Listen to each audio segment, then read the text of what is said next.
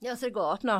Nei, det er ingen Bak garanti jordens bunne trelle, oppi som sulten knut har knuget. Ja, Der har du revolusjonære Birkevold. Han skal ha revolusjon. Og da er det sånne som deg, Stigen. Noen av de første som skal opp mot veggen, så skal det skytes! Kapitalistsvin! Kan knekke deg som ei lus! Professor for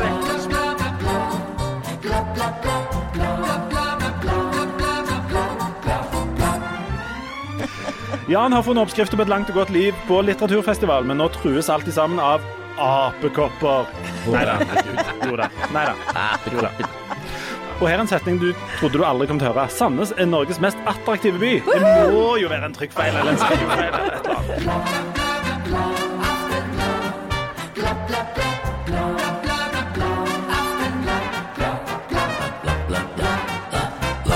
Hjertelig velkommen til Aftenbladet. Her har vi altså den mest attraktive personen fra Norges mest attraktive by, Janne Stingen Drangsholt. Jeg trodde du Hallo. skulle si meg der, men Nei, vi har med Han to har jo allerede introdusert deg, har du Nei, ikke har ikke det. Å Men jeg tenkte å introdusere det sånn. Her sitter det òg to middels attraktive menn fra en helt grei by.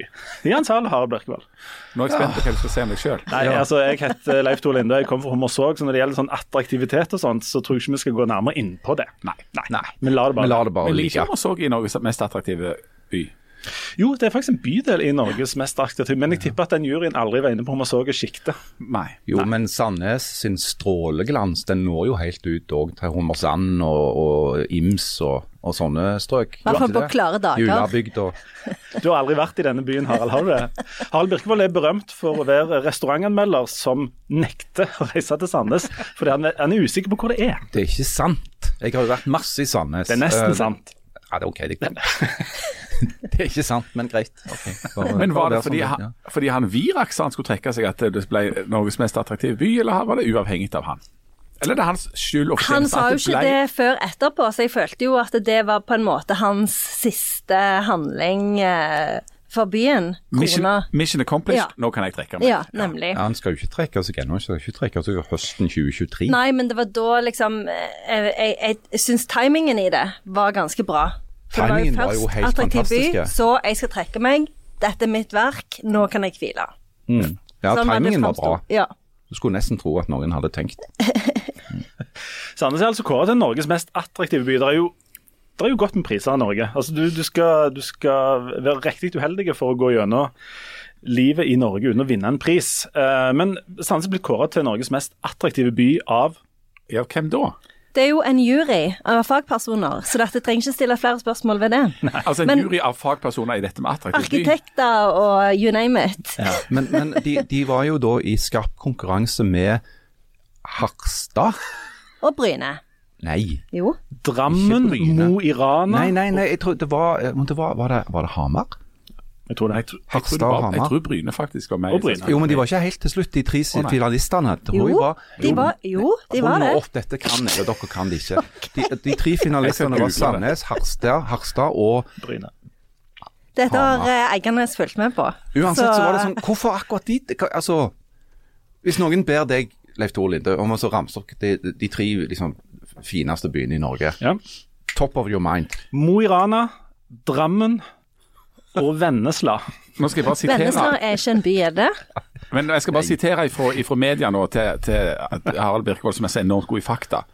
Harstad, Bryne og Sandnes var de tre nominerte til å motta Jeg vil ikke- attraktiv å godta byprisen det. for Jeg nekter å 2022. Så altså, Bryne Eller Hamar. kom på god sølvplass. Men nå er det det jo noen som syns at det der veggmaleriet av eh, Erling Brøtlo Haaland ble litt vel stort. Ja. Så det kan jo være at eh, Bryne tapte litt. Men hva er det som er kriteriet? Hva er det som gjør at du blir liksom Norges mest attraktive by? Jeg tror det er, det er totalen. Og det varer av bare en i ett mengde år. faktorer. Så varer Nei, men- det bare i ett år, for det neste, Men neste år så er det en faktisk annen. så er dette ganske viktig for Sandnes, fordi alle år så har eh, Hver gang Sandnes har blitt litt nevnt, så er det noen som har trukket fram denne her kåringen som Sandnes vant ved en tidligere anledning, nemlig Norges styggeste by. Det er det eneste jeg har hørt eh, i, i min oppvekst. Og det som er veldig spennende med Sandnes, det er jo at det, når jeg vokste opp, skjedde ingenting. Det var bare eh, stygt hele tida. Eh, ingen tenkte på estetikk, ingen tenkte på nyvinning, ingen, ingen tenkte på noen ting. Alle bare tenkte på leirgauker og eh, Sykkelfabrikk. sykkelfabrikk, og prøvde seg på Sandnes Bluesfestival, sykkelbluesfestival og sånne ting. Sykkelblues. Ja, det, la oss ikke gå inn på det. Det er vond tid Vi i må, vi må stoppe bitte litt med Sykkelbluesfestivalen. For det var en, en festival som prøvde å kombinere de to mest attraktive tingene eh, i Sandnes, nemlig sykkel. Og en følelse av nedstemthet i musikk. Ja. Og dette tror jeg sammenfalt med at Sandnes eh, kåra seg selv til Norges sykkelby. En tittel jeg tror de mista etter en undersøkelse der det viste at det var ingen plass folk sykla så lite som i Sandnes. Uansett, fortsett Janne. Det var noen tunge år. Ja, det var noen tunger. Eh, og eh, i løpet av de siste mm, ti årene, da, så har det skjedd utrolig mye i Sandnes, og det er så spennende å gå rundt der. I går så gikk jeg tur. Oppdaget to nye restauranter på min ferd bare i går. En tofuplass og en kyllingplass. Det skjer veldig mye i Sandnes, og det er jo klart at ruten er jo det som har betydd aller mest. Ruten har vi jo snakket om før. Eh, det har betydd utrolig mye på å dra folk ned i, i sentrum og føle at de har et eierskap til byen. Og nye rådhus har betydd mye. All den bygginga som skjer nærme Gansfjorden. Ny stadion. Sandnes er jo en av de byene som faktisk har aller mest kunst eh, i byrommet. Så det, det har skjedd utrolig mye spennende ting i Sandnes, og jeg syns at det er på sin plass at vi får en anerkjennelse av det. Og Sandnes har jo hatt et problem med at folk ikke kjenner på en sånn Sandnes-identitet. Eh, og det tror jeg òg at eh, jeg, tror at både denne prisen kan bety mye for at folk kan kjenne på en sånn stolthet over byen, men jeg tror òg det er en slags sånn anerkjennelse av en prosess som har foregått over lang tid, at folk har blitt mer stolte av å være av Sandnes. Men eh, er- fra Sandnes, mener jeg. Men har det skjedd, Er det resultatet av en bevisst vilje og en bevisst plan, eller så var det noen som satte seg ned og begynte å tenke på dette, eller skjedde liksom eh, litt sånn i hytt og, og vær av seg sjøl? Altså, Tenker du på selve prisen, eller selve nei, utviklingen? men, men den utviklingen du skildrer nå, eh, for det, det er jo enormt interessant. eh, Og den nevnte Virak, som har vært ordfører der da i eh, Tolv år. I, i 12 år nå. Um, Eller det blir tolv neste år. ja, og i et slags merkelig kompaniskap, da, altså Ap og Frp. Um, er det sånne som han, eller, eller eh, hvordan har dette skjedd? Eh, Ja, det er jo et veldig interessant spørsmål. Og jeg tenker at det, eh, det er delvis at det er politikere som har jobba for at det skal bli at, det skal rett og slett være en penere by. At det skal være en by hvor det går an å være, og hvor folk kan, kan, kan trives og samles. Jeg tror eh, Det er én ting. Og, men jeg tror eh, en annen ting er at det, at Sandnes bare er en by som har eh, opplevd en sånn en vekst, og at du har klart å bruke det til noe positivt istedenfor at det har blitt til noe negativt. Men det er jo eh, store problemer fremdeles i Sandnes. Eksempel eh, så, så mangler jo skolene penger, og, og ikke minst bygningene er jo eh, utrolig nedslitte. Så er jo, Sandnes er jo en by som har veldig store problemer, men som òg har veldig stor uh, utvikling som har skjedd de siste årene i positiv forstand. Mm. Du skal jo ikke gå så mange år tilbake i tid før folk i Sandnes, når de sa de skulle til byen, så mente de Stavanger. Uh, det er det mange som ikke mener lenger. De mener faktisk at de bare skal ned i Sandnes sentrum. Så det er helt klart at det har skjedd mye bra i Sandnes. Uh, men Sandnes har jo òg pådratt seg voksesmerter, som du peker på, Janne, bl.a. med veldig høyere, mye høyere gjeld i kommunen. Eh, og det er jo noe som skjer i byer som vokser. du får det drar jo med seg utgifter i form av behov for mer barnehageplasser, flere skoler. Eh, folk blir eldre òg, så du må ha flere sykehjem. Eh, men jeg merka meg jo det at det var en av de tingene som Stanley Virak nevnte når han hadde et lite sånn oppsummeringsintervju når han kunngjorde at han ikke vil søke gjenvalg etter valget neste år. At det at de har full sykehjemsdekning i Sandnes er noe han syns er ganske imponerende. Og det syns jeg òg, for det er ikke lett for en kommune å klare det. Eh, men prisen for dette er jo da at kommunen har mer anstrengt økonomi enn før. og Hvis det skjer noe da som gjør at inntektene stuper, f.eks. at du får økonomiske nedgangstider, så kan, eh, kan nok rådmannen i Sandnes eh, få litt å jobbe med. Det er jo topp stemning at, at Sandnes har fått dette til. altså Gratulerer til Sandnes, selv om dere dessverre slo Bryne, da.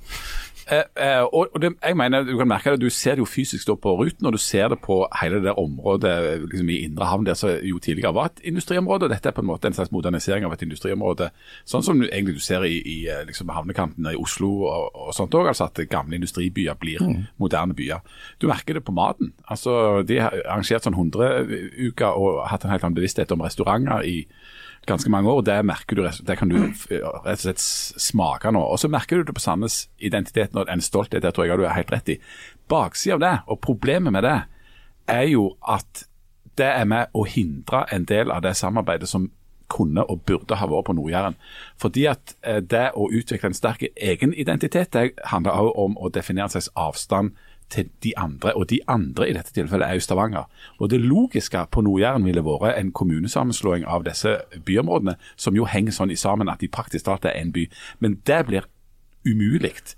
Og enda Nå nå skal jeg gjøre det som Jan pleier å gjøre. Ta ut hånda fra det vepsebolet, eller? Nei, og si at eh, jeg er uenig, for det at det kan hende.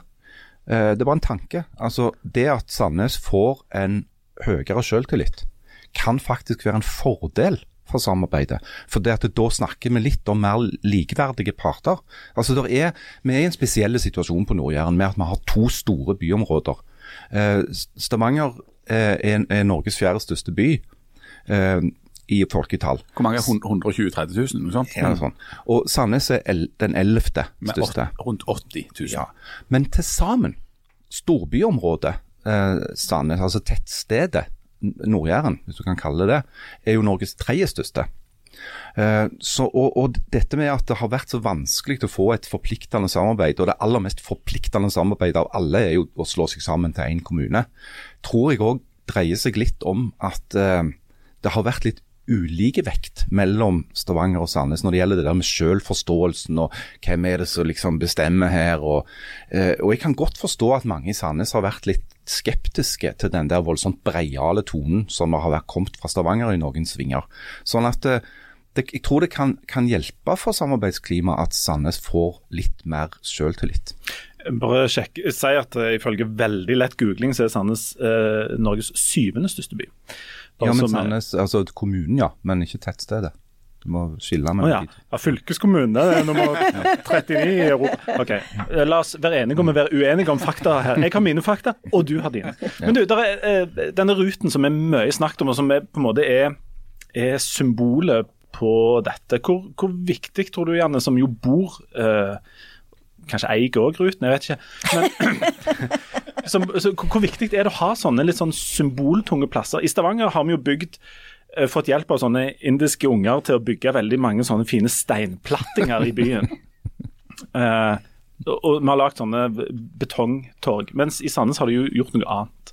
Og, og de har lagd en plass der folk vil være og vil gå. Ja, det er så utrolig viktig.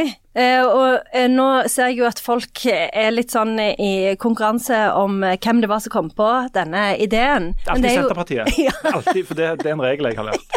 Alltid en på Senterpartiet. Men det er jo eh, en eh, eh, Altså, å få noe ordentlig i Bruten er jo en, en drøm som en har hatt i alle år. fordi at det, Problemet med Sandnes er at du har jo Langgata, og så har du eh, jernbanelinja, som er en slags sånn mur. Eh, og så har du et eh, skummelt område hvor du både kunne bli avhengig av heroin og eh, bli truffet av biler som prøvde å parkere, og så har du Vågen ned forbi der. Eh, og det som er så utrolig bra nå, det er jo at du har et rom med, med lekeplass, du har skøytebane om vinteren, du har all slags arrangement hele tida, og du har barnefamilier. Og du har eh, de som sliter med rus, som har sin egen designa benk. Og så har du dette her geniale som de har gjort nede på Vågen, med at de eh, skal lage en mathall. Sånn at du har ikke butikker der nede. Du har eh, uteservering, du har bakeri, du har steder hvor folk vil være. Sånn at det blir et sånn et Det blir kanskje ikke akkurat en piazza, men det begynner å ligne. Eh, så det, det er et, et, et, et rom som, som innbyr til at folk skal være der og gjør mange forskjellige ting. Hva er piazza i pluralis, tror jeg? Er det Piazzi. Piazzi. Er det piazzi, det? Eller er piazze. Piazza, for det er pizza er jo pizza. Ja. Så da Så det er kanskje flere piazze. Så du har på en måte to piazze. Du har jo da selve Ja. ruten, og så har du området i indre havn da, Ja. som en annen piazze. er piazza sanesi. Jo, jo. Tønes har en veldig fin sang om det. Den der skal vi bøye piazze. Bøye piazza.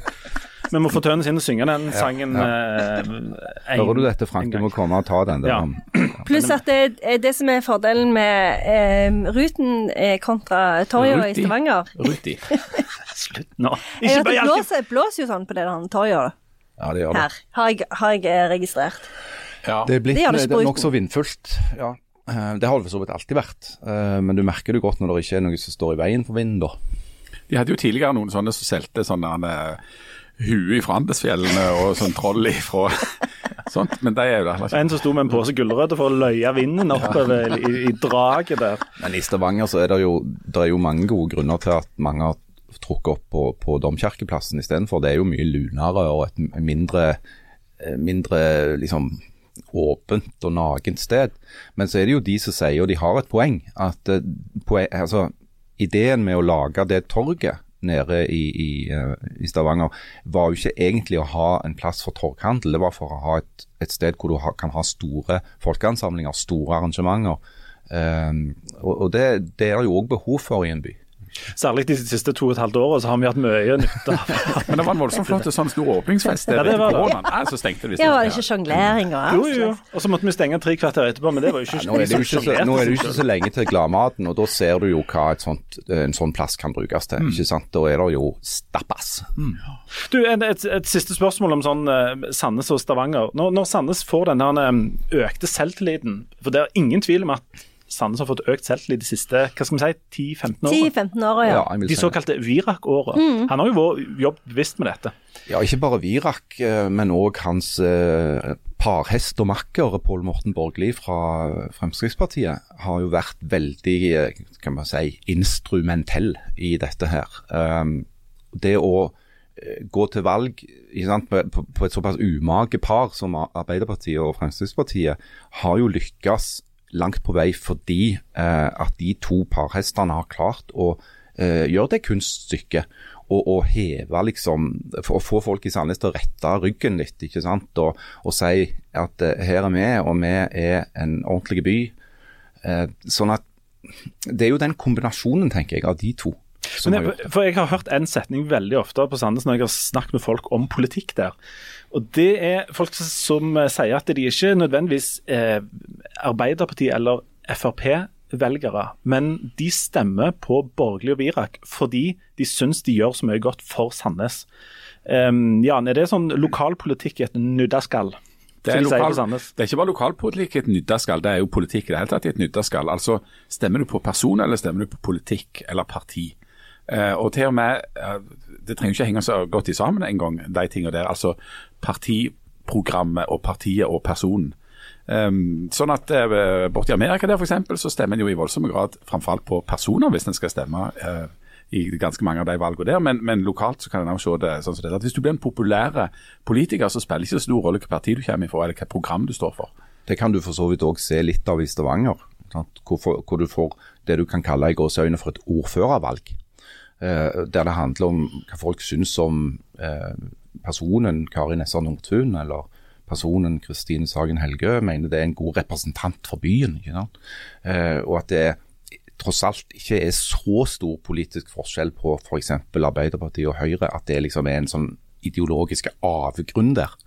Så da kan det være at folk tenker at ja, jo, men hun er jo flink, hun Kari da, ikke sant. Og, hun- Nakari. ja, hun er alltid så fjåge og sånn. og sånn. Det kan vi òg spille inn, klart det kan det. Gjerne kommer det til å bli reist en stor statue av eh, Virak midt i denne parken på Ruten, tror du, når han eh, nå gjør seg? Vi er jo ikke så gode på statuer. Ja, Du sa at det var masse kunst? Ja, det er masse kunst, men det er mer sånn abstrakt, eh, flott kunst. Oh, en, en non-figurativ skulptur av Stanley Virak, det kunne være noe.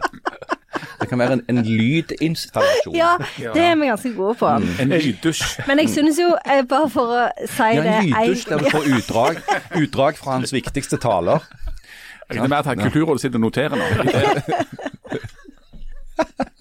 Det jeg håper vi får til nå i Sandnes, er det der sjøbadet. For nå har jo Det skal vi jo ha i så Stavanger. med, Hallo. ja, I Sandnes er det jo planlagt, det.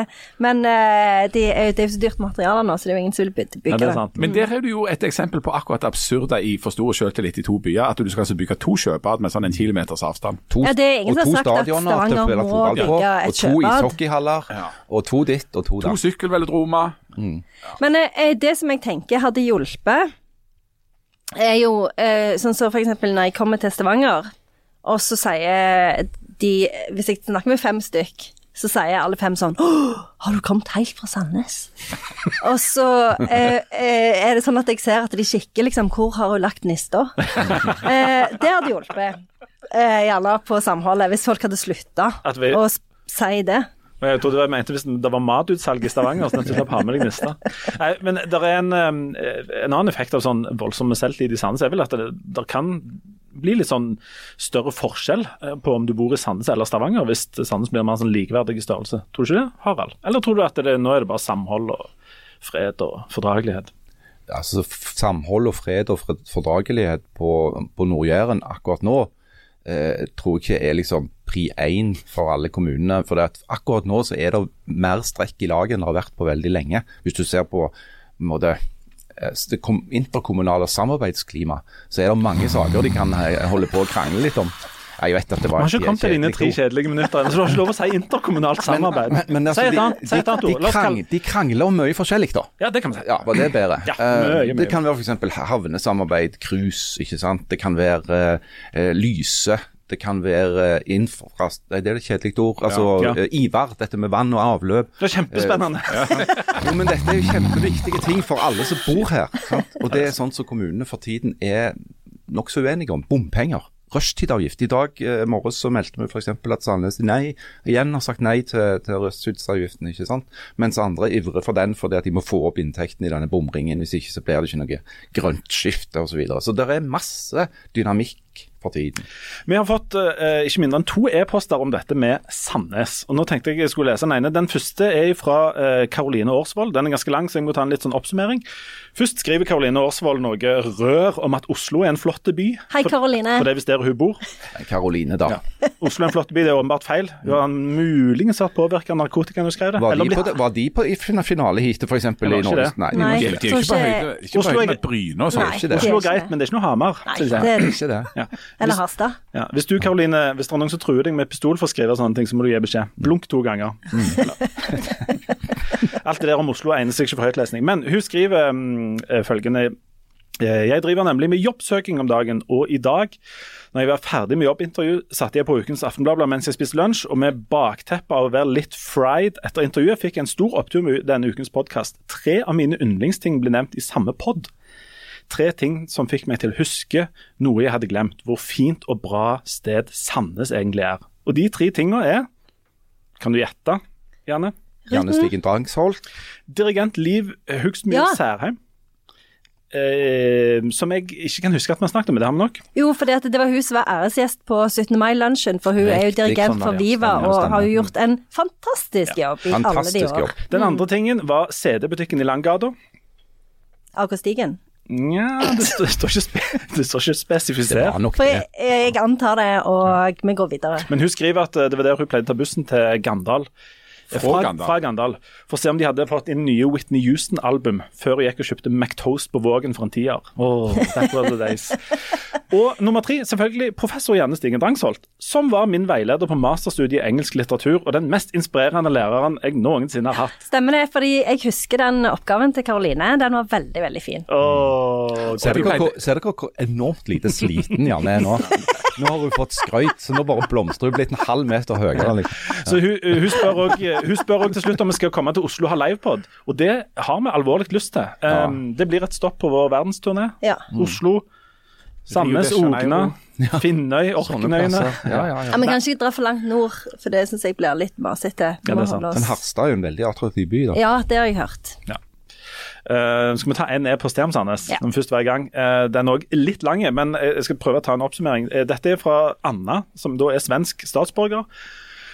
Og uh, hun er veldig takknemlig for at hun ikke blir skutt hver dag. Husker dere den episoden vi snakket om at hvis det kommer svensker til Norge, så har vi lov å skyte dem, sånn formelt sett? Ja, for, ja, for det at formelt sett så har vi det. Men la oss nå ikke gå ned den veien. Nei, hun, ja. Ja. hun har nettopp flytta fra Våland i Stavanger altså til Austrått, som som hun tidligere så på som ødeland eller en forstad til Sandnes. Hun flytta altså med en klump i halsen og fikk litt sånn panikk. Men etter å ha hørt Janne snakke så fint om Sandnes, fant hun ut at det kunne være god terapi å lage en topp ti-liste over positive ting med Sandnes. Så det har hun gjort, og sendt til oss. Jeg kan forkorte den bitte litt. Nummer ti. Det er ofte god plass på kino. Det er det. Og, og det som òg er, en ting med å gå på kino i Sandnes, er at du får alltid idealreaksjonene. Sånn at hvis det er en sånn en meteor som er i ferd med å eh, treffe jorda, så jeg, hører du noen ved siden av og sier sånn Å, shit! Folk blir dritredde. ja. Så det er òg en fordel. Tror de, tror de det er ekte? De, Ja. folk, på de, de, er ikke- Vi blir veldig revet med. de er litt sånn enkle på Sandnes, sånn at hvis de ser noe sånt på film, så tenker de å, jøye meg, det er jo helt ekte. Men det var en meteor. War of the Worlds. Positiv ting, eh, altså På niendeplass, uh, det er veldig god, uh, god plass på utestedene. Jeg lurer på om, vet ikke om dette Dette er Hva er det Er ironiske lister? For i så fall kan du slutte å Nei, nei, det er ikke det. det, er ikke det. Uh, nummer åtte, der nevner du Digg Bar. Har dere vært der? Jeg har vært der. Ja. Uh, en veldig koselig plass. Uh, nummer syv, eh, eh, så vidt hun vet, så har Sandnes null synkehold. Og det er ingen som stjeler kaktuser i Sandnes. Nei. Kan du bekrefte dette? Det bekrefter jeg. Åh, for et paradis. Nummer seks, Sandnes har stort sett små problemer, sånn type kråker som kan være plagsomme, eller en traktor som tar fyr i en låve. Er det det dere har av problemer? Mm. Okay. Nummer fem er altså at Sandnes er kåret til, til Norges mest attraktive by. Uh, nummer fire, Sandnes har mye dyrkbar jord som kommer godt med når det blir krig, eller hvis det blir krig. Og den har vi for oss sjøl, Stavanger. Nemlig. Fordi det er så dritlangt for dere å komme til Sandnes. Og borgerlig Virak hadde ikke gitt oss ei potet hvis det ble krig. Det er jeg i hvert fall 100 sikker på. Og så nummer tre. Sandnes har veldig positive innbyggere. Altså folk som snakker opp byen sin. Stemmer det? Ja, det er helt riktig. Eller er det bare deg? Nei, det er alle. Ok. Eh, og så nummer to, dette syns jeg er veldig rart, men Sandnes er toppturmekka. Hun nevner i fleng Ragnhildsnuten, Bjørndalsnuten, Vedafjell, Lifjell, Fjogstadnuten.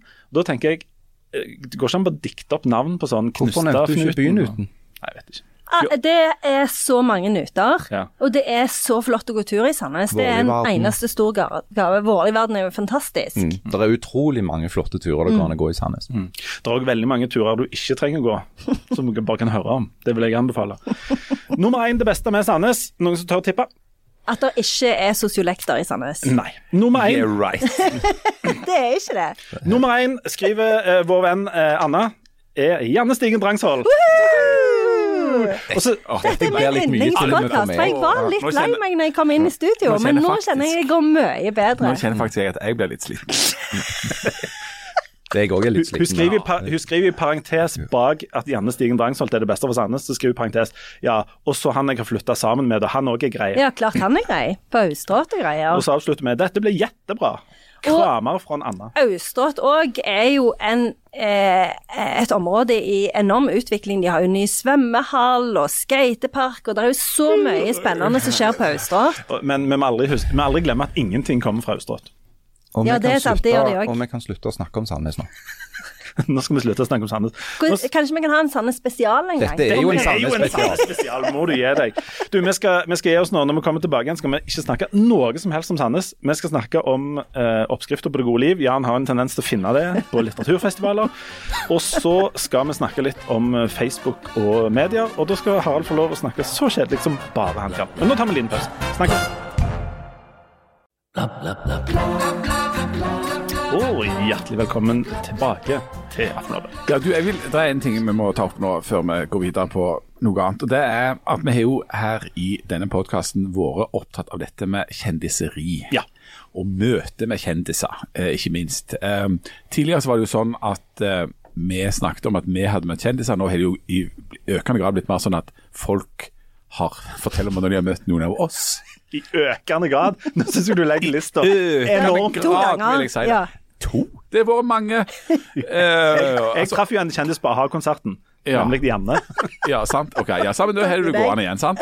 Sånn at, eh, sånn at ting har på en måte snudd litt. Og, og jeg, jeg tror vi kan snakke om en trend og en tendens og en utvikling over tid. Litt som på en måte byutvikling i, på Austrått eller hvor det er. Um, og vi har fått altså en e-post da på aftenbladblad aftenbladet.no. Bare bla, bla. Jeg klarer aldri å huske den der. Bla, bla i ett ord at aftenbladet.no. Send oss. Send oss, ja. Hvis Send dere f.eks.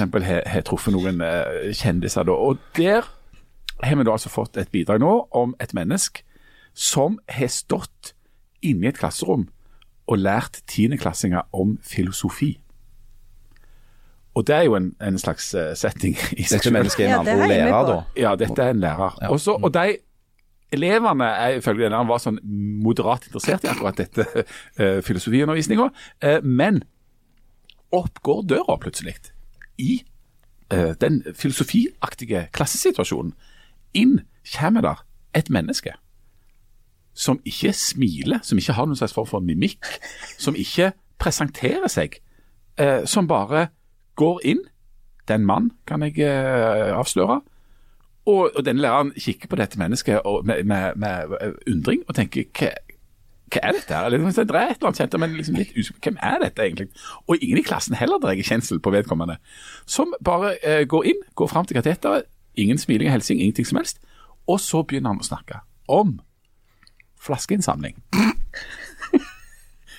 og liksom, hva er dette her? Er det, er det, er det, er det de løse fuglene i byen som skal ha tomflaske, eller hva, hva, er det som har skjedd her? Og, og hun læreren ser ut, uh, hun heter Elise, hun ser ut på disse elevene, og det er ingenting i ansiktet der som tyder på at de heller forstår noe av dette, eller kjenner noen ting av det. Og hun bruker et veldig interessant bilde. Hun mener at det ser ut som en stim med hyse. Oi i ansiktet. Sånn er stemningen der. Dette mennesket En hysestim? En hysestim. Jeg har googla hyse. Hvordan ser den ut? Den er også kjent under, under et annet navn. Torsk. Kolje. Kolje. Ja, kolje eller hysestim er det da, altså, som blir undervist i filosofi, mens det da står et menneske der og snakker om tomflaske. Ja, alle lurer på hva i all verden er dette for noe. Og så begynner det å demre for hun hvem dette er. Det viser seg å være Leif Tore Linde, som kom til et klasserom med filosofi for tiendeklassinger for å snakke om eh, flaskeinnsamling, fordi det er pengeinnsamling til klasseturen. Og så bare går han igjen etterpå. Gikk du bare rundt på skolen? Og da, og da, da, da har på en måte mynten ramla litt ned hos den Elise som står sjokkert igjen og lurer på Er det Letolin som har blitt litt for høy på seg sjøl? Er det sånn det kjendiser skal oppføre seg? Eller har han fått beskjed av dattera om at han på ingen måte må finne på noe tulletøys og presentere seg sånn, bare gå rett på sak og snakke om flaske? Leif Tore Linde, hva er det du Hæ? Ja, det er vel uh, yes to all of the above, tror jeg. Men jeg kan si. Nei, jeg, um, jeg tror dette var litt tidlig om morgenen, så jeg var ikke helt uh, ikke helt med. Og jeg, jeg tar jo selvkritikk på at jeg ikke presenterte meg eh, og sånt. Uh, og så må Jeg bare si, jeg har ikke for vane bare å hoppe inn i tilfeldige klasserom og, og fortelle om flaskeinnsamling. Jeg hadde jo ei datter som satt i dette klasserommet. og var, De var i akutt behov for penger til en klassetur. Men jeg legger meg helt flat for at jeg ikke presenterte meg. Det burde jeg muligens ha gjort. Samtidig så fikk jeg nå veldig lyst til å bare gå inn på en tilfeldig skole og bare åpne opp døra og så si til læreren du, jeg trenger bare fem minutter. Og så gå opp og så fortelle f.eks. For om en dugnad, og så gå igjen. Og se hva som skjer etterpå. Men gikk du i flere klasserom da, eller var det bare det ene? Jeg kan vel røpe at jeg først gikk inn i feil klasserom. og så tok det meg ett minutt før jeg liksom, før mynten datt ned. Men ja. Er det en moral i denne historien? Jeg vet ikke.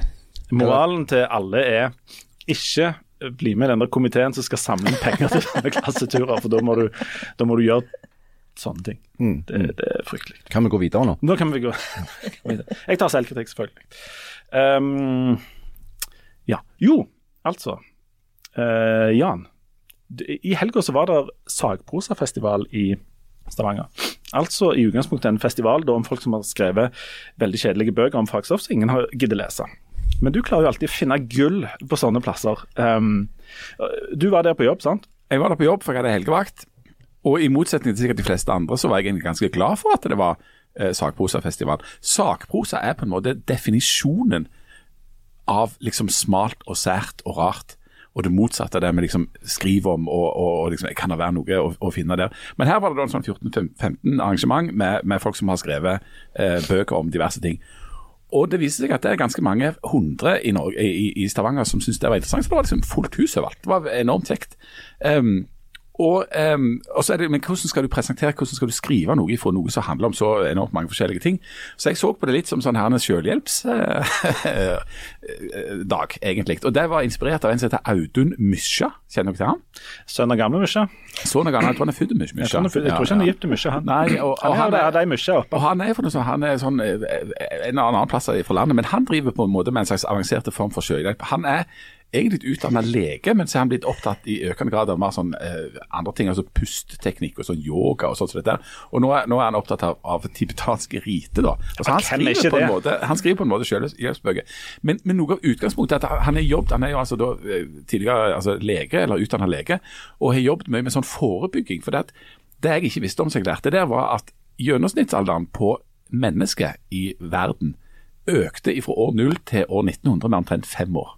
Altså, Folk gikk ifra å leve i 25 år til 30 år i snitt. Dette handler noe om barnedødelighet, bl.a. På de siste 120 år så har gjennomsnittlig levealder gått opp med 50-60 år. Hmm.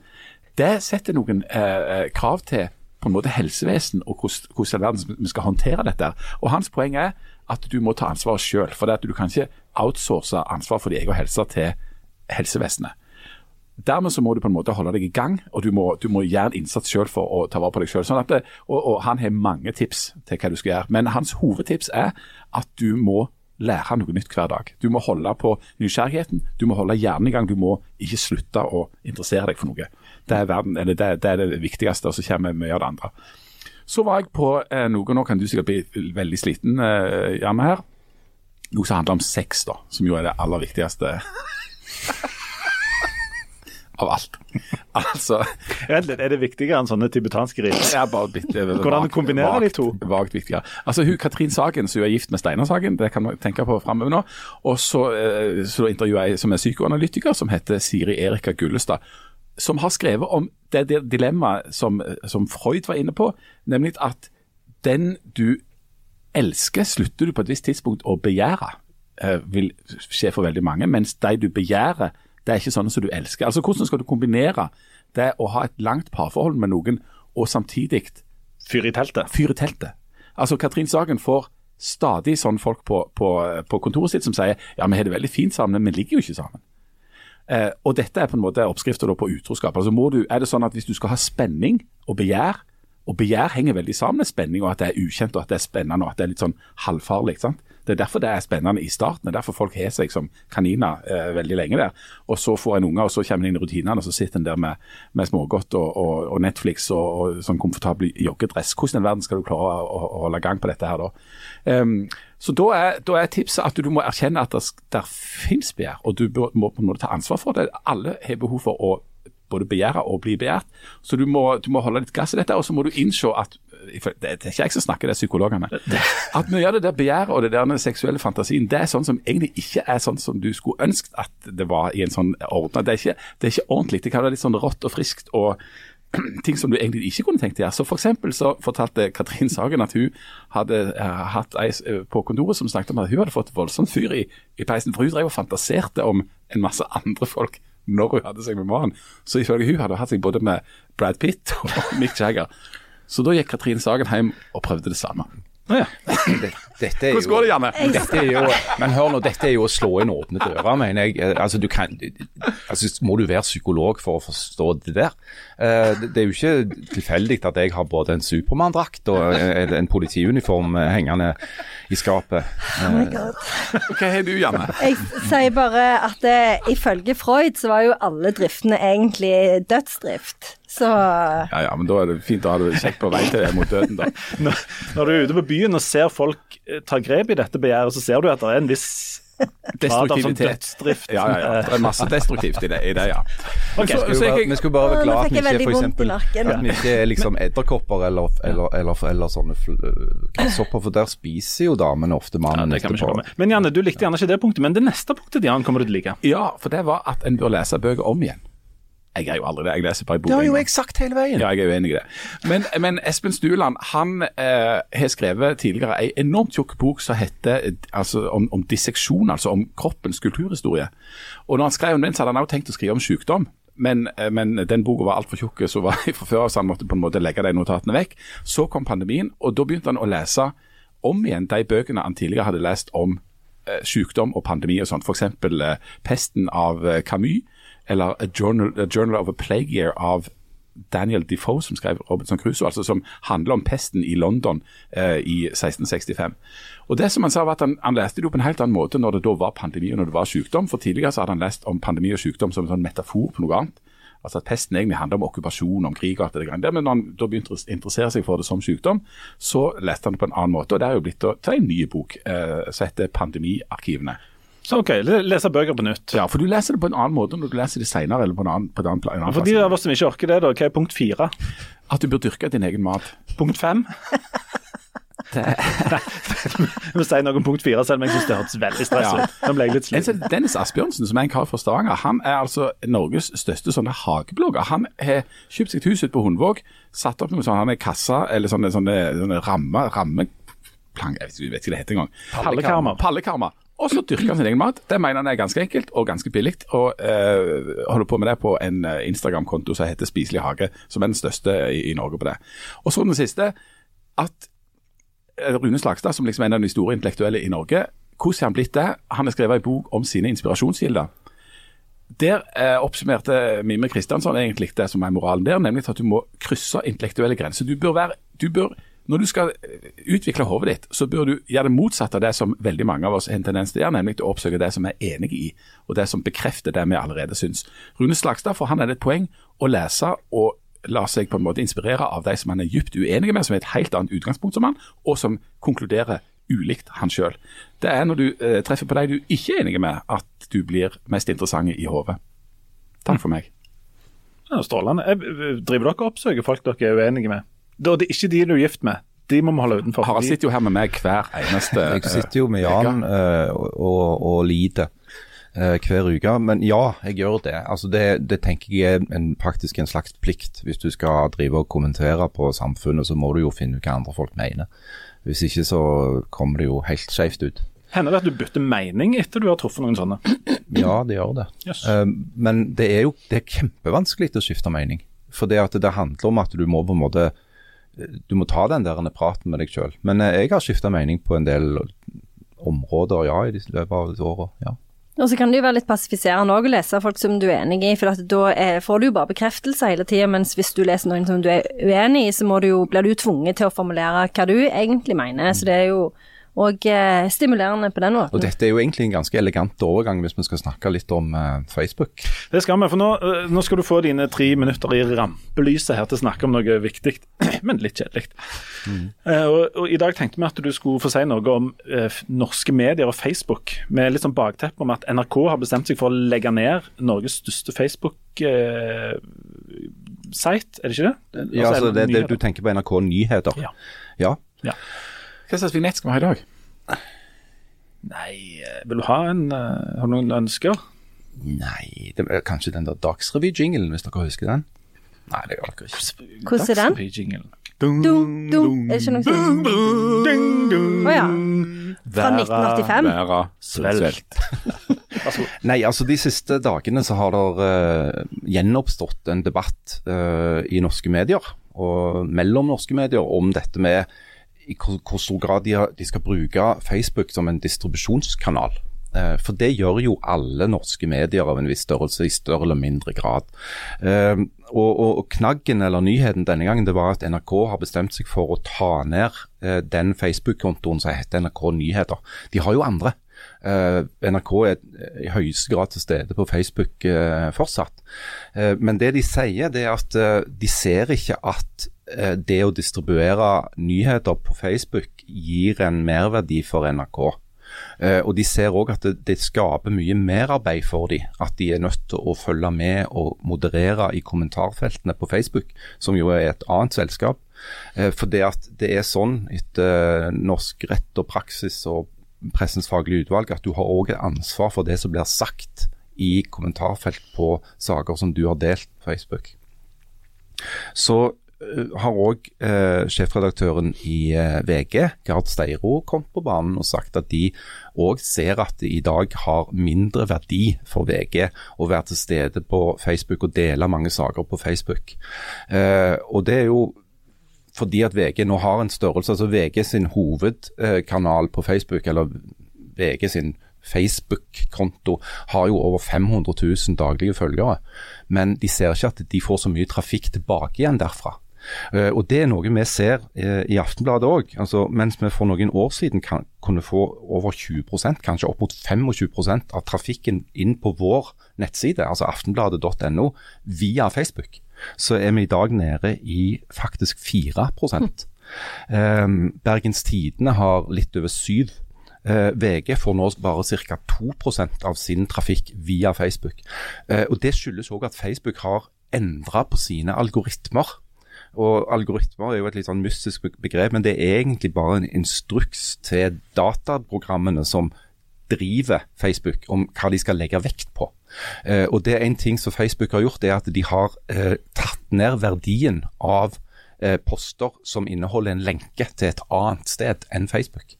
Eh, for Facebook har sett, eh, og det har jo blitt rapportert globalt, at, at de har problemer med sin egen forretningsmodell. Og Da har Facebook blitt mer gjerrige på å sende folk ut av deres Facebook-universet. Dette er jo òg en av bakgrunnene for at Mark Zuckerberg, eh, Facebook sin grunnlegger og, og, hovedaksjonær, har bestemt seg for å prøve å lage dette metaverset. Hvor folk skal på en måte kunne leve livene sine innenfor en, en, en slags boble som er kontrollert av Facebook og ingen andre. Eh, og Grunnen til at det, vi, det jeg snakker om nå er interessant i forhold til det vi snakket om Eh, for litt siden, det er jo at av, et av hovedproblemene med algoritmer som Facebook sine, eller som Twitter sine, eller som Instagram sine, det er at de gir deg konstant mer av det du har sett fra før. Sånn at du får mer av det du er enig i. Du blir sittende i en form for sånn meningsørken som bare består av én type ytringer, én type tanker. Eh, og Den andre hovedtendensen er at sosiale medier i større og større grad, for å få opp engasjementet, og fòrer deg med ting du er dypt uenig i, men ikke på en måte som gjør at du får noen form for sånn intellektuell utvikling. Du blir bare sint. Ja. Se så dumme de andre er. Den type nyheter får du. Eh, noen som har sagt eller gjort noe som de vet at du kommer til å bli rasende av. Eh, og Det er jo det der såkalte engasjement de kaller det for engasjement, men egentlig så handler det bare om relativt sånn primitive følelser av at der de skal stille opp deg mot noen. Eh, og alle de tingene i sum gjør at jeg godt forstår at norske redaktører sitter og tenker i hva for en verdi har dette? Hvorfor, hvorfor driver vi på å fòre noe som i praksis er en konkurrent? For Facebook er en konkurrent med innhold. Fordi at I utgangspunktet så er Facebook ikke noe annet enn en distributør. De er bare en kanal for å putte inn ting i. Og Deres forretningsmodell har, har vært å få hele verden til å jobbe gratis for seg sjøl. Med å lage, for, med å på en måte gjøre Facebook til det det er. Samme med Twitter, dung, samme med Instagram. Dung, dung, dung. Være svelt. det var ikke Dagsrevy-logo. Ja, det var sånn Dagsrevy. Okay, sånn Men han var ganske fin ja. på en litt dyster måte. Et spørsmål uh, på dette. Hvis, hvis, norske medier forsvinner fra Facebook, mm. hvis vi tenker den tanken, uh, så vet vi at uh, veldig mange, særlig de yngste, um, oppsøker ikke nyhetsmedier. De tar det de får, det, det som på en måte flyter forbi mm. på sosiale medier. Ja. Mens, og norske medier har et ansvar for å opplyse offentligheten og for å liksom distribuere stoffet sitt. Um, Svikter vi ikke disse unge folka hvis vi ignorerer de sosiale mediene? Jo, men uh, nå sitter jo vi her, jeg vet ikke hvem som er gjennomsnittsalderen i dette fantastiske studio, men han er vel sånn likevel å vage rundt i overkant av 40 60. år. Ja, og mentalt så ligger han kanskje enda høyere. Og Problemet er jo at, eh, at uh, ungdommene, vet du, de er ikke på Facebook. Uh, dette er, Facebook har i større og større grad blitt et medium for de som er over 40. Eh, men du har f.eks. TikTok. Som jo blitt uh, Snapchat, som har blitt en viktig kanal til nyheter. for LinkedIn. Ikke LinkedIn, okay, nei. Uh, og så er det klart at det er et dilemma der. For det at du kan jo gå helt opp, hvis du har lyst til å svinge deg skikkelig opp, så kan du jo snakke om Grunnlovens paragraf 100, ikke sant? om at staten har en plikt til å legge til rette for en åpen og opplyst offentlig samtale. Men det er òg en plikt den blir uh, spilt videre til mediene, sånn som oss. Vi har òg en plikt til å bidra til det. Så du kan si at hvis vi, har, hvis vi tar vårt samfunnsoppdrag alvorlig, så må vi finne de nye brukerne de nye abonnentene våre der de er. Eh, men samtidig så er det et innebygd dilemma hvis vi finner de kun på plattformer som vi ikke har kontroll over.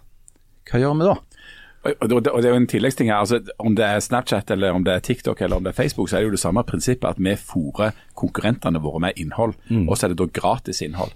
Eh, og det er jo ikke sånn at for, fordi om at du er på en måte yngre, så gjelder det Altså, Det koster jo å lage denne journalistikken. Det koster å holde den kvaliteten på ordskiftet eh, som, det, som Grunnloven forutsetter at du skal gjøre. Sånn at Vi kan jo heller ikke lære opp til det unge til at ja, dere kan få alt dette her, men dere får det gratis hos våre konkurrenter, som så tjener penger på det. Eh, så En del av opplæringen der må jo være at ja, men, eh, altså, hvis, hvis vi hadde fjerna dem fra de kanalene, så måtte de jo faktisk ha oppsøkt. Da kunne vi lært de opp i å oppsøke våre kanaler. da. Janne, de, disse sosiale mediene er jo vår tids altså, noe av det største vi har, altså, som har kommet de siste 10-15 årene. Verdens eh, rikeste folk, verdens største selskaper, og noe som absolutt alle holder på med. Er det en god idé å ta opp kampen mot sånne kjemper, eller må du eh, på en måte bare innse at de finnes, og så ta det fra Ta det derfra. Jeg tror kanskje at du må prøve å opplære de unge i å oppsøke nyheter, sånn som Jan sier. fordi at det, det er jo et problem f.eks. at det er veldig mange unge i dag som får bare nyhetene sine via TikTok. Og TikTok er jo en et sosialt medium som styres av Kina. og eksempel så er det jo mange unge som har tatt opp situasjonen til uigurene på TikTok, men da har de jo gjort det under dekke av å være en sånn en sminketutorial. Så det er jo, bare det er jo et kjempeproblem i seg sjøl. Eh, så, så dette det, og, og er jo, eh, etter covid så har det jo òg vært et problem for mange unge at eh, de ikke orker å se på nyheter. At de eh, nekter å følge med på nyheter fordi at de syns det er så deprimerende. Og det er jo ikke så rart heller, tenker jeg, fordi at de har jo vokst opp med klimakrise, og nå er det covid, og så er det krig i Europa. så det, Jeg skjønner jo at det er en sånn en fatigue eh, blant de unge, men det er jo kjempeviktig at For det er jo sånn som, som vi snakker om nå, at det, Facebook er jo en, et sosialt medium som ikke brukes av de unge, som bare brukes for, eh, for folk over 40. Jeg ville nesten sagt folk over 60. Gratulerer med hverandre med dagen og legger ut bilder fra Spania. Eh, men, men, så dette, og, men så hva skal han gjøre? Da skal han flytte seg over på nye sosiale medier hele tida. Akkurat nå er det TikTok, men i morgen kommer det jo til å være noe annet. og Det er nok Clubhouse, ja. Det, Clubhouse, Ja. jeg, jeg er på Clubhouse ennå, og der, der, der skjer det ting. Der er det fine ja, ja. Men altså, det som jo er problemet, er at vi har et dilemma. Altså, Vi ønsker jo å ha breie allmennmedier som skal nå ut til flest mulig, fordi at det er viktig i en samf et samfunn å ha en, en, et, for, for, et torg, da, i gåseøyne, et sted hvor alle kan være og snakke sammen. Eh, hvis, og, og den tendensen til at ingen er på det torget lenger, de er bare i sånne egne små nisjer og snakker bare med andre som har det på samme måten, er et demokratisk problem. og Det har blitt pekt på i sånne hardstemte ha-stemte utredninger. ikke sant? Men de peker på noe helt sentralt. for Hvis du skal ha en, en offentlig samtale, så må du ha en plass å ha den. Det, det må være et sted. Uh, og, og det gjør at uh, alle som er opptatt av det der med kvaliteten på den offentlige samtalen og betydningen av å ha en levende debatt i et samfunn, må være opptatt av ok, hva for en arena har vi for det da? Og hvis det er sånn at for sånn som medier som Voss, som er eikt av et kommersielt selskap som heter Skipsted, eh, vi er avhengige av å tjene penger på det vi driver på med for å få lov å fortsette å lage nyheter og innhold. Og Det kan jo være at det tvinger seg fram en diskusjon om må en finansiere dette på en annen måte for å få til det. Altså Må staten f.eks. ta et større ansvar for at det er sånne allmenn, allmenninger, tror jeg du kan kalle det for. Et steder hvor folk faktisk kan møtes. Nye ruten. ja, En slags digitale ruten, da. Ikke sant? Eh, fordi at hvis du, ikke, hvis du ikke har en plass å snakke sammen, hvordan skal du da klare å få eh, diskutert viktige ting? Men her er jo podkast òg veldig interessant. Ja, dette er jo helt topp. Ja, dette er jo det beste mediet som finnes. Men Ja, ja. det er for Aftenbladet publiserte jo nesten nettopp en podkastundersøkelse, og der viser det jo at podkast er jo også et medium som folk er ikke er interessert i å betale for. Eh, eh, og de, jeg bare tenker på sånn, de som, Det er jo en, en podkasttjeneste som du må betale for, som er den der Podme. Og det koster jo 79 kroner i måneden. Det er jo ganske dyrt, egentlig. Men Nei, det, det er ikke ganske Det er dyrt. ikke Det er, ganske det, er, dyrt. det er like mye som du betaler for en halvliter på byen. hvis du har alle de andre abonnementene, Netflix, HBO og Hvis du, hvis du har råd til å kjøpe en, halv, en halvliter på byen i løpet av en måned, så har du jævlig meg råd til Ja, Eller to kopper kaffe. Jo, det er greit, men, men ikke hvis du ikke er interessert i å betale for, for podkasting. Da er det ganske dyrt, med 79 kroner i måneden. Mm. Og, og det, men der er det jo mest sånn underholdningspodkaster. Men, men podkasting er jo faktisk et medium som mange unge bruker for å få eh, nyheter. Men de er ikke interessert i å betale for ja, det. og det kommer i økende grad til å bli betalt, en betalt tjeneste. fordi det går, altså det er faktisk ingen form for eh, næringsdrift som går rundt på at det er gratis. Mm. Eh, og grunnen, altså du kan, ikke, du kan selge eh, altså, Du kan ikke lage melk og brød eller snekkertjenester eller musikk eller eh, TV eller noen ting som helst gratis. Det, det, går rett og slett ikke rundt da. Og det, jo, det, jo, eh, og, og det må på en måte òg unge folk lære seg det. For på et visst tidspunkt skal de jo begynne å jobbe. Det kan de heller ikke gjøre gratis. for det er ingenting som er gratis. Du kan si hva du vil om TikTok, men de kommer aldri til å dekke bydelsutvalgene i Stavanger, eller ha en debatt om du skal ha rushtidsavgift eller ikke. Det er bare lokale og regionale medier som kan gjøre det. Og dette er faktisk informasjon som er viktig for det livet folk lever der de bor. Men er det, er det interessant, Jeg vet ikke helt hva jeg mener, tenker om det selv, om det slo meg bare plutselig. Det er jo interessant da at NRK Nyheter, altså det, det, den, det mediet i Norge som da tilsynelatende er gratis, men det er ikke gratis, men det er fordi at det er offentlig finansiert. De er jo ikke avhengig av å tjene penger. Det er de som trekker seg vekk fra den allmenningen som Facebook er. Et siste spørsmål om denne allmenningen og sånt. Um, når, hvis NRK trekker seg ut, og uh, Aftenbladet trekker seg ut, Aftenposten forsvinner, og, og, og TV 2 og, og Nasjonen, alle disse, overlater ikke vi da um, denne store sfæren til eh, det som ligger litt ut forbi det som heter mainstream media. Altså la meg ikke, Hvis, hvis det er så mye galninger eh, på disse plattformene, og vi trekker oss ut, eh, da så bare overlater vi det til galningene. Jo, er- Folk forsvinner jo ikke ifra det. det kan være en fare for det. Men, men så må vi jo huske at det er ikke sånn at NRK trekker seg ut. De trekker ut én av sine mange eh, Facebook-kontoer, eller konti, eh, fra er det eh, fra- Ja, men fra Facebook. Altså, de er jo fortsatt til stede med, med alt det annet de har av underholdning og kjendisstoff og musikk og dokumentarer eller hva det måtte være for noe. Det er bare at de tenker at nyhetene våre har altså Vi ser ikke at vi har så veldig mye verdi i det, for det at vi får ikke så mye trafikk tilbake igjen. Du bare på en måte fòrer Facebook med, med innhold uten å få en økonomisk gevinst av det. Og Det er jo klart at det er jo en diskusjon som òg foregår på sånne steder som Davos. Eh, Eller altså, i, store globale fora. Hvordan skal de tvinge de store teknologigigantene til å, til å dele mer med seg? Tvinge de til å erkjenne at ja, de er en form for digitale parasitter. Eh, De har blitt gigantiske og blitt verdens rikeste mennesker rett og slett av å basically stjele andre sitt innhold. Eh, eller bare at andre bare gir de tingene sine gratis. Eh, få, til økonomiske modeller som gjør at de er nødt til å dele mer med seg. At en, at en del av denne verdiskapingen går tilbake til de som faktisk lager innholdet. Men samtidig så er jo dette en, eh, en strategi som NRK har hatt i ganske mange år nå. fordi at det før, eller for si fem-seks år siden, så kanskje enda lenger, så var det jo sånn at hvert program hadde sin egen side på Facebook. Men det stengte jo NRK ned én etter én, og nå vet jeg ikke engang om NRK P2 f.eks. er på, på Facebook lenger. Men det er jo fordi at det, eh, Facebook, det er jo òg fordi at de ikke klarer å drive disse sidene, men det er jo òg fordi at Facebook delvis har mista sin relevans. Mister sin relevans. Unnskyld. Det er digg når folk følger med. Ikke bli sliten nå. Jeg, jeg ramler. Du, men jeg la merke til noe du sa tidligere. og Det er jo det at eh, unge vil ikke eh, se for det er så deprimerende. Og til alle dere der, ute som er nå unge og, og er litt leie av klimakrise og pandemi og sånn som det, skal vi bare helt kort ta dette med apekopper. Det har alle fått med seg. Det har alle fått med seg. Og det er en, eh, en snål ting. Går dere rundt og er dødsredde for apekopper? Nei, ikke i det hele tatt. Altså, Husk på, apekopper er ikke egentlig veldig farlig. Det er bare enormt stress hvis du får det, fordi at du får liksom sånne blemmer overalt, og så kan du få arr. Men det er ikke noe du dør av. Det finnes medisiner mot det. Vanlig koppevaksine virker òg mot apekopper. Men, men ja. Så du er ikke skeptisk til å reise på sånn sommerferie på sånn raveparty i Belgia med, med blant veldig mange menn? Også, eller? Nei, altså, jeg tror, jeg tror ikke apekopper hadde fått den voldsomme tractionen det har fått eh, i, i nyhetene hvis det ikke hadde vært for at vi akkurat har vært igjennom to år med, med, med koronavirus.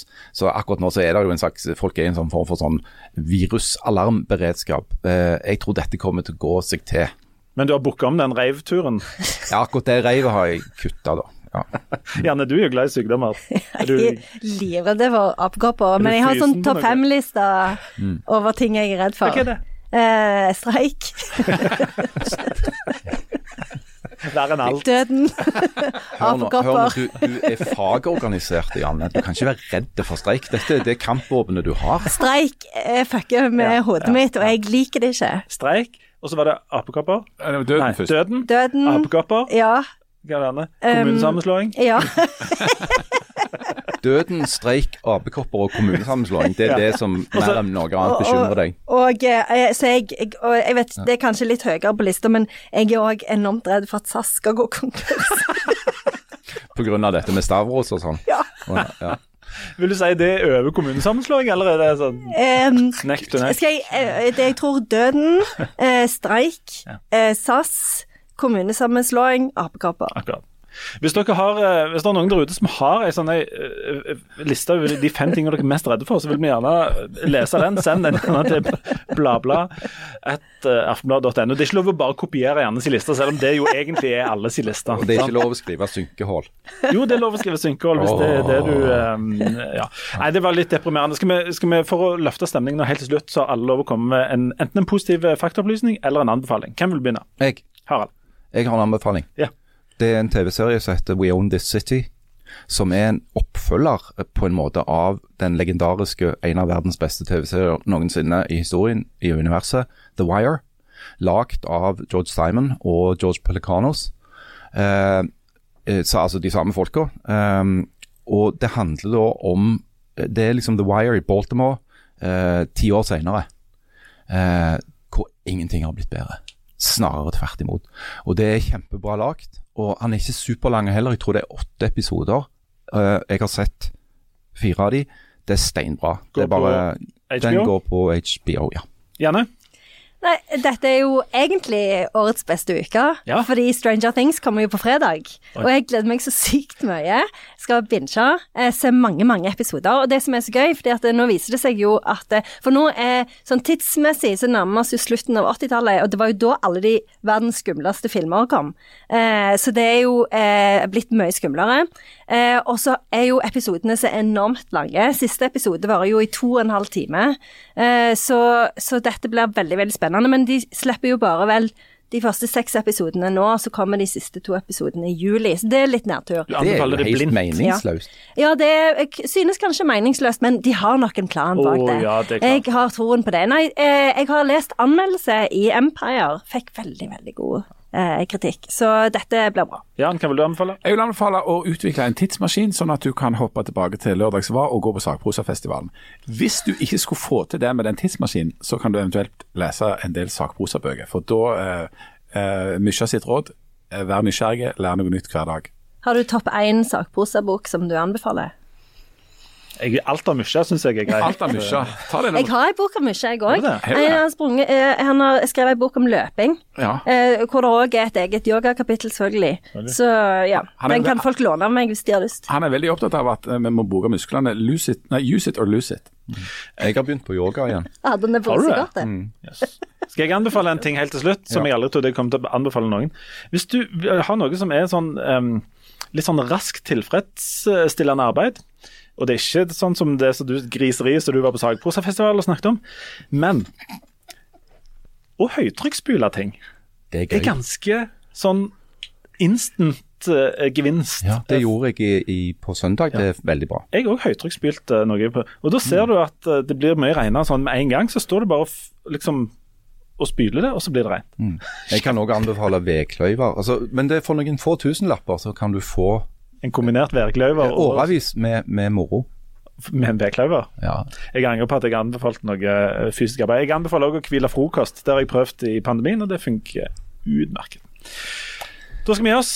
Um, Ja. Skal muligens ut i streik etterpå nå. Det vet vi ikke helt ennå. I dag er det tirsdag, og det, vi vet ikke helt. Det Jeg er har sånn eh, dirring her. Rett over øyenbrynet. Ja. Det er ikke bihulene som har kommet ut. Nei, Nei, det det er muskulatur. Muskulært. Ja. Det er en sånn ukontrollert dirring. Ellers er det kraniet som er i ferd med å sprekke, fordi Ja. det er så voldsomt. Jeg håper det blir streik. Så kan folk faktisk få erfare hvordan det går uten hus. tilgang til, til engelsk uh, poesi. Ja, men alle tror For alle Mm. håner meg. Og jeg er sånn 'Å, jeg kan komme til å merke at du er vekke'. Men jeg har faktisk kjempemange eksamener som jeg skal sensurere. Og det er unge mennesker som ikke får karakter, som ikke får eksamen, som ikke får jobb. Så Ja. der har du den. Da må du bygge karakter på en annen måte. Alternativet, al alternativet er vel at du retter disse eksamenene, og så får de karakter, og så får de ikke jobb. Og sånn kan vi ikke ha det. Uansett, nå er vi ferdige. Eh, Lykke til, Janne. Jeg håper det ikke blir streik. Vi snakkes om ei uke.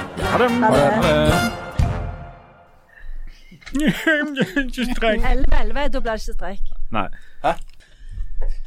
Kapitalister skal ikke få kalte og valte med oss som de vil.